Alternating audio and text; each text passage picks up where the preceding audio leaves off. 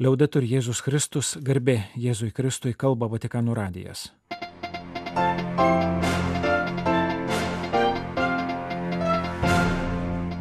Malonus klausytojai šioje programoje. Popiežiaus audiencijos Barcelonos karališkajam teniso klubui, Italijos katalikų žurnalistams ir Bisau Gvinėjos prezidentui. Pranciškaus interviu su italų dienraščiu Lestampa temos - karas, kelionės, bažnyčios atvirumas. Harkivo vyskupas bažnyčia padeda Ukrainos žmonėms išsaugoti orumą.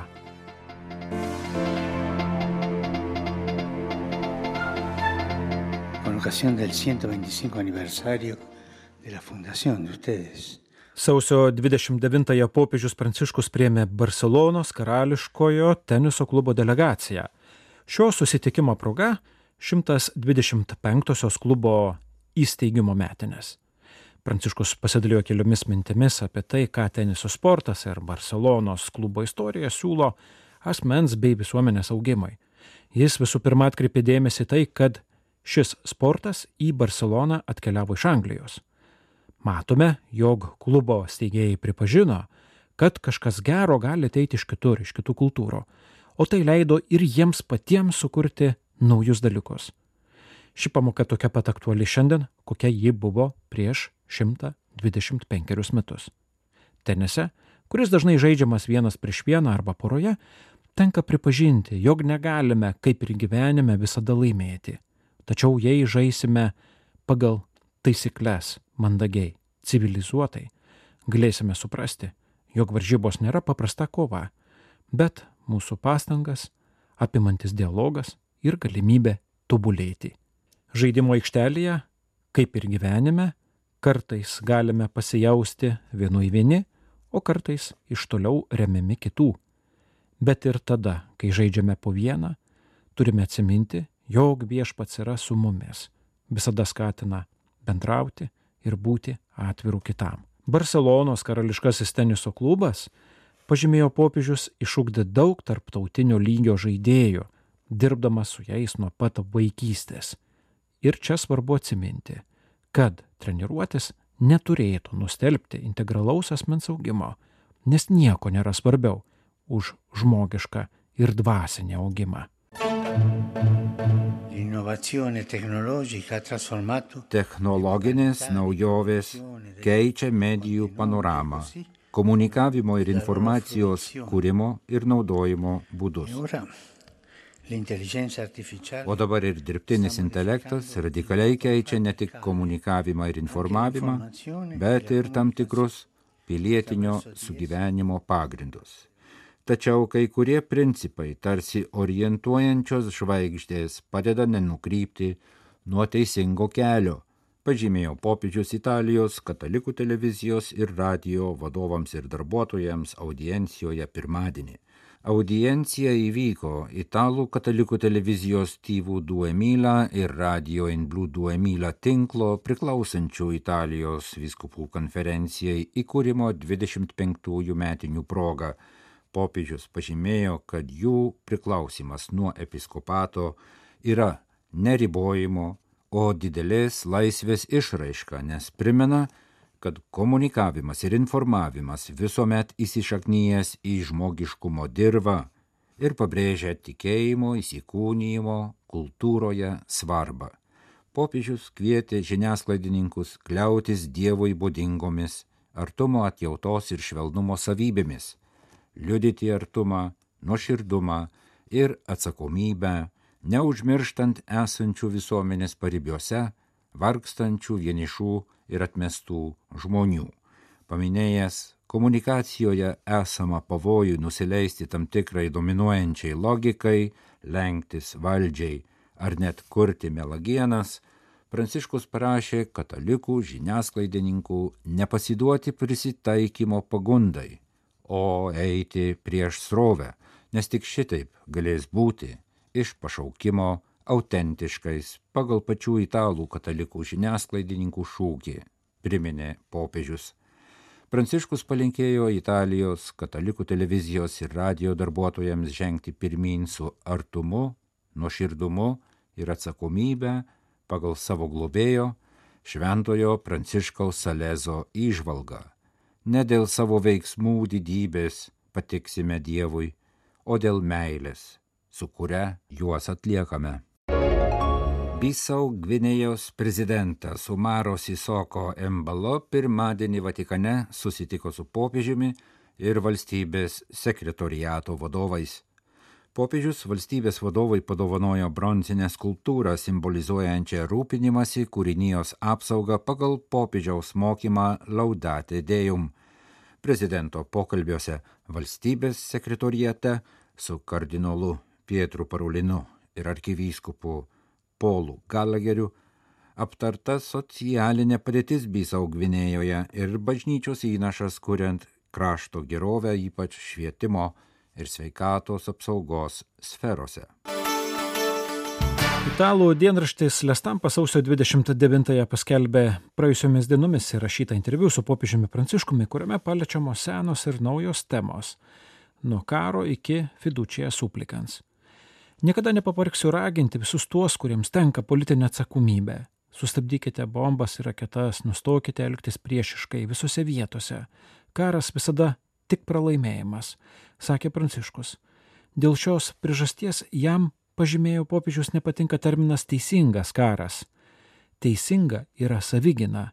Jei į namus įžengia vagis, kurie nori tave užpulti ir apiplėšti, reikia save ginti. Tai teisėta gynyba o teisingų karų galima manipuliuoti ir galiausiai teisinti karą. Klausimas apie karą gazos ruože popiežius pažymėjo, kad konfliktas dramatiškai plečiasi. Buvo parengtas labai iškus Oslo susitarimas, kuris pateikė dviejų valstybių sprendimą. Kol šis susitarimas nebus pritaikytas, taika liks tolima. Itin gazdinanti yra tolesnio karinio eskalavimo perspektyva pasaulyje, kuriame ir taip daug įtampų bei smurto. Vilti teikia kai kurie susitikimai ir bandymai pasiekti bendrą sutarimą.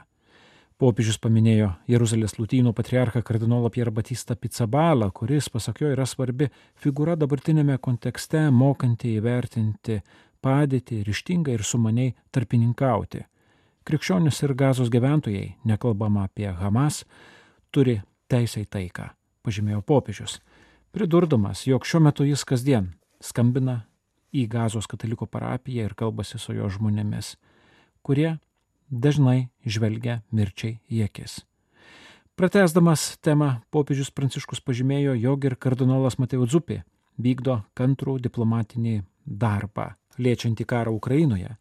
Šventasis sostas siekia tarpininkauti belaisvių ir civilių sugražinimo klausimais. Yra dirbama dėl jėga į Ukrainą išvežtų vaikų sugražinimo, kai kas jau grįžo į savo šeimą.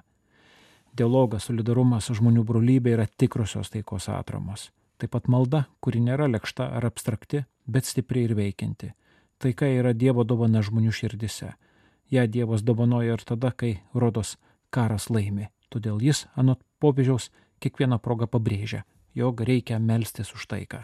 Lestampa žurnalistas uždavė keletą klausimų apie silovadą, jaunimo silovadą, apie bažnyčios atvirumą visiems, apie fidučią suplikans sausio 31 dieną bus prisimintas jaunimo šventasis Don Boskas. Jam priskiriamas pasakymas pažymėjo popiežius, jog jei norite padėti jaunuoliams gatvėje, įmeskite ten kamulį. Saliziečių ir Marijos pagalbininkės dukterų kongregacijų steigėjas pajėgė pakviesti ir įtraukti tūkstančius vaikų be ateities ir duoti jiems ateitį, kaip per oratorijas kuriuose vaikai žaidė, mokėsi ir meldėsi.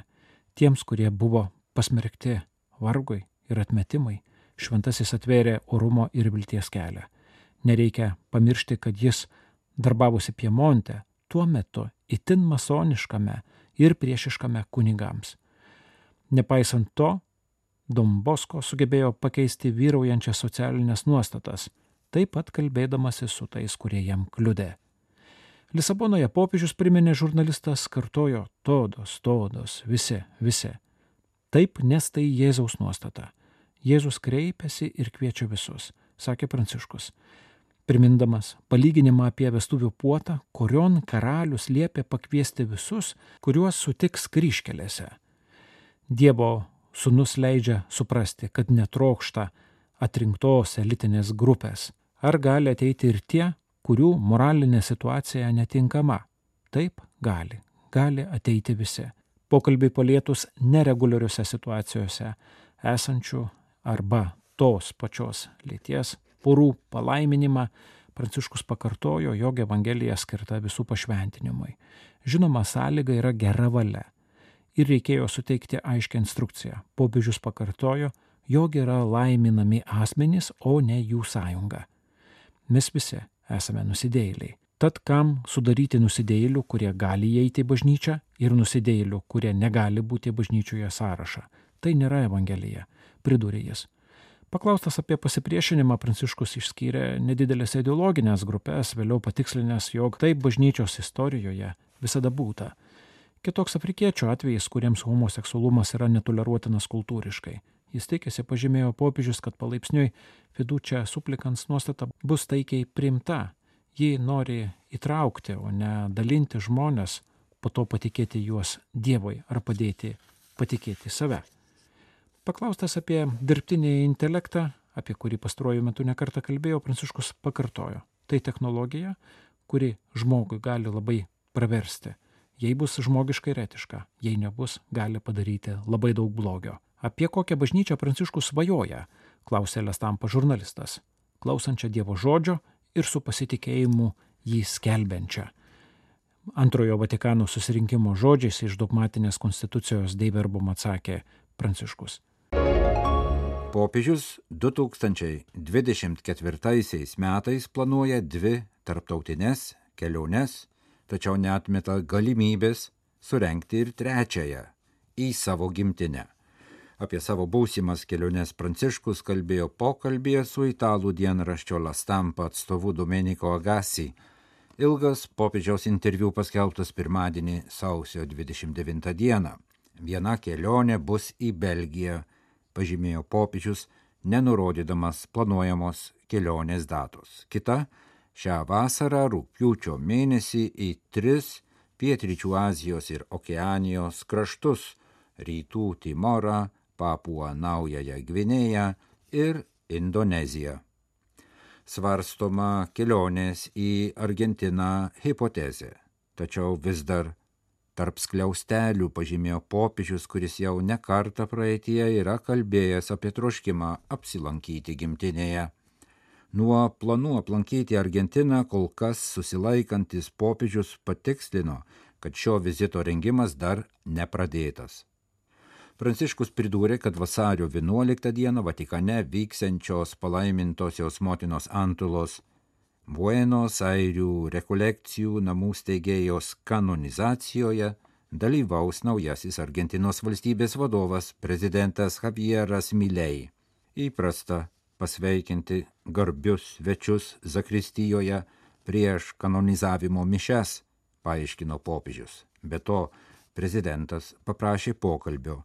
Įvyks susitikimas. Esu atviras dialogui su juo kalbėtis ir klausytis taip, kaip su visais, sakė italų spaudos atstovui Pranciškus. Romos vyskupas taip pat paminėjo, kad šiemet planuojamos dvi kelionės į šiaurinės Italijos miestus į Veroną gegužės mėnesį ir į Triestą netoli Slovenijos sienos Liepos mėnesį. Beveik kiekvieną dieną nuo karo pradžios šiaurės rytų Ukrainos Harkivo miestą atakuoja Rusijos raketos. Dalis gyventojų pasitraukė, bet daug daugiau vis dar liko dėl to, kad nenori palikti savo namų ar dėl to, kad nenori palikti senų ir sergančių artimųjų. Interviu Vatikano žiniasklaidai Harkivo Zaporyžios vyskupas Pavlo Hončerukas pasakoja, su kokiais sunkumais susiduria žmonės tokiomis aplinkybėmis kaip bažnyčia jiems padeda ir pristato ekumeninį dialogą karo metu.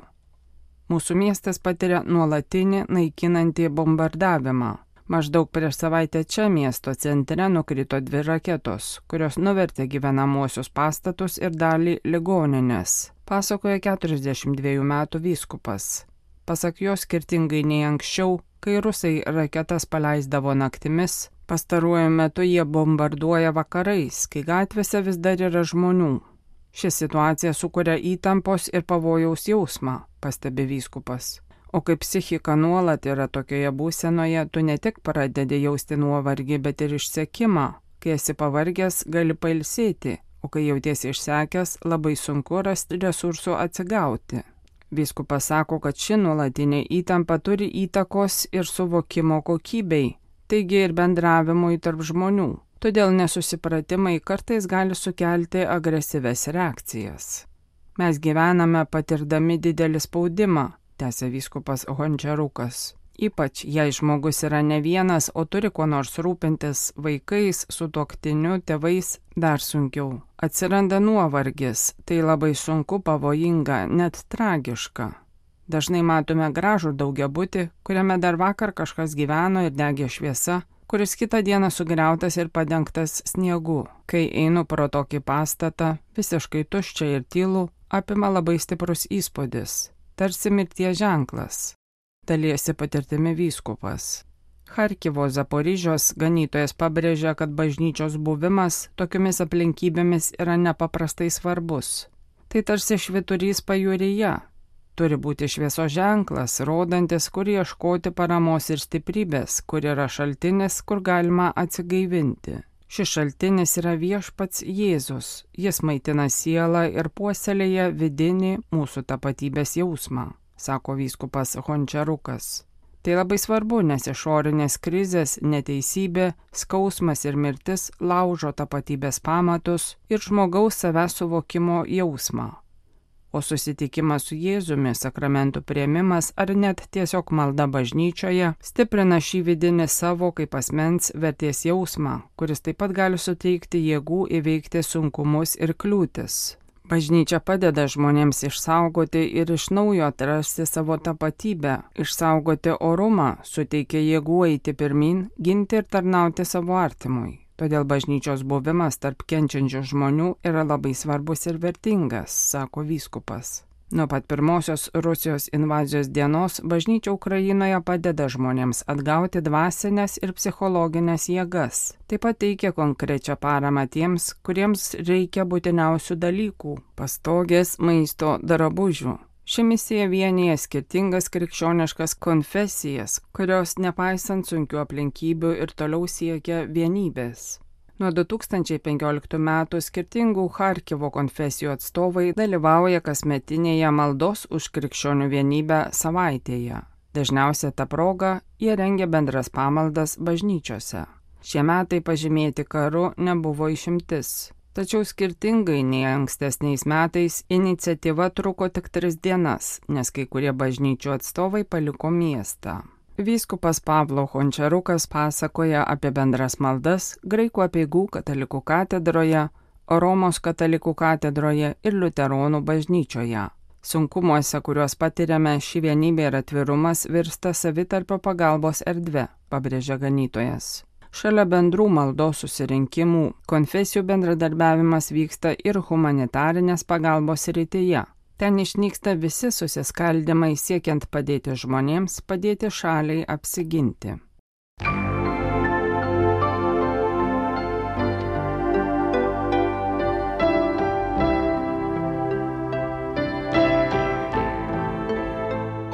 Malonus klausytojai laidą lietuvių kalbą baigiame. Kalba Vatikano radijas. Garbė Jėzui Kristui, liaudai turi Jėzus Kristus.